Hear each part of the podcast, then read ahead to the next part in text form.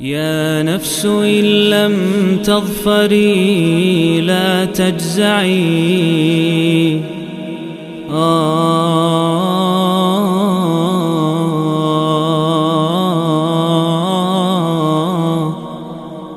بسم الله الرحمن الرحيم الحمد لله والصلاة والسلام على رسول الله أما بعد Para yang dirahmati Allah ini adalah audio ke-86 dalam membahas tafsir ijmal di setiap surat dari Al-Quran Al-Karim Dan kita di pertemuan ke-86 ini akan membahas surat Tariq surat ke-86 eh, Yang merupakan surat Makiyah Turun setelah surat Al-Balad Dan sebelum surat Al-Qamar Surat ini terdiri dari 17 ayat dan disebut dengan nama At-Tariq yang panjang toknya ya bukan roknya.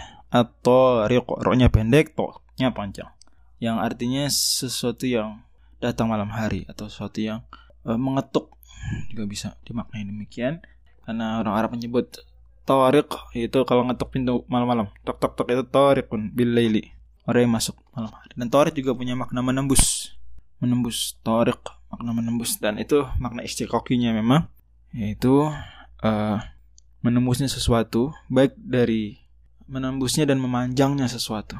Menembus dan memanjangnya sesuatu dari dalam diri benda tersebut atau dari tekanan luar itu makna istiqoqi dari to ro dan kof sebagaimana diterangkan oleh uh, Profesor Dr. Muhammad Jabal dalam kitab Al-Mu'jam al-Istiqaqi.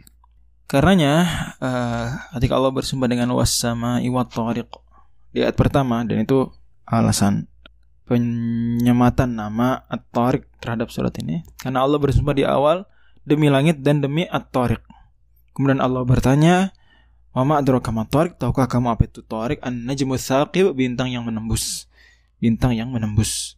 Dan tema besar dari surat ini memang ada hubungannya dengan nama surat seperti biasa, yaitu pengawasan dan penjagaan Allah yang menembus segala batas.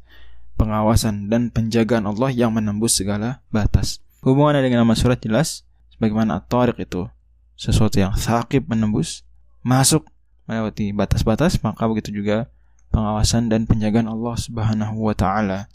Dan itu nampak jelas dari paparan di seluruh surat At-Tariq ini tentang konsep tadi di mana Allah Subhanahu wa taala saja berfirman di ayat keempat in kullu nafsin lamma 'alaiha hafiz sungguh setiap jiwa atas manya atasnya masing-masing ada penjaga.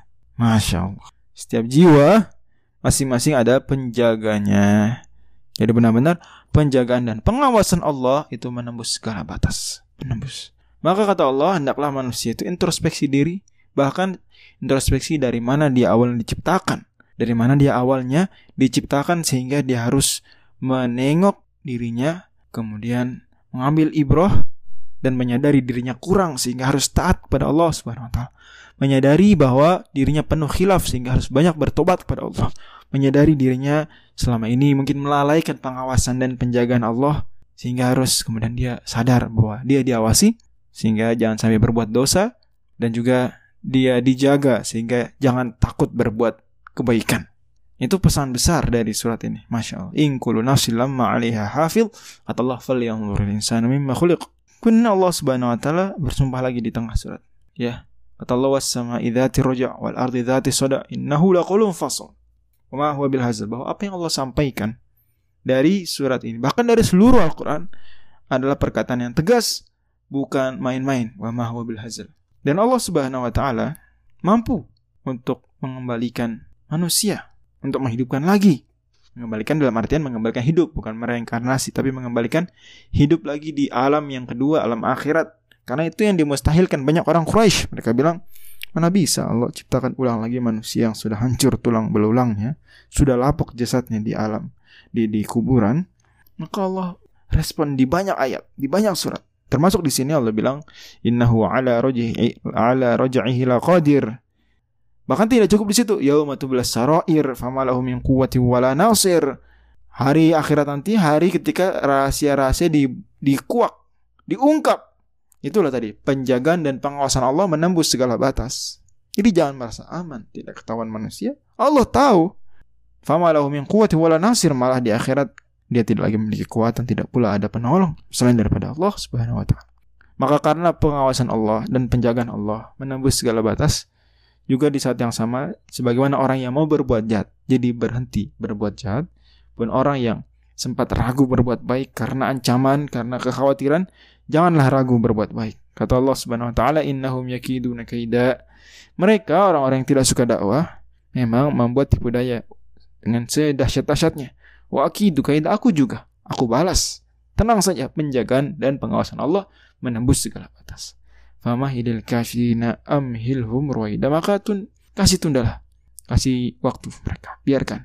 Ya makanya Allah tunda azabnya. Bahkan mungkin tidak diazab di dunia. Bahkan banyak orang-orang jahat pada Nabi Muhammad SAW tidak diazab di di dunia. Dan dari surat ini sendiri kita ambil banyak sekali uh, pelajaran namun tafsir ijmali kita terbatas waktunya dan uh, kita bisa lihat hubungan surat al At-Tariq ini dengan surat-surat sebelumnya di mana kita lihat mulai dari surat An-Naba bicara tentang bahwa hari kiamat itu benar-benar berita besar yang agung yang nyata hari akhir ini semuanya satu rangkaian kemudian Allah Subhanahu wa taala gambarkan kengeriannya resikonya kalau mengingkari di surat An-Nazi'at. Kemudian Allah Subhanahu wa taala ajak manus ajak kaum muslimin untuk mendakwahkan dakwah yang benar dan menggembirakan tentang hari akhir tersebut. Kemudian Allah beri contoh bagaimana sih deskripsinya hari akhir itu di surat At-Takwir. Kemudian di surat Al-Infitor. Kemudian nanti di surat Al-Insyiqaq ya. Dan diseling dengan surat Al-Mutaffifin ya untuk penegasan di surat Al-Mutaffifin. Gambaran keadilan Allah.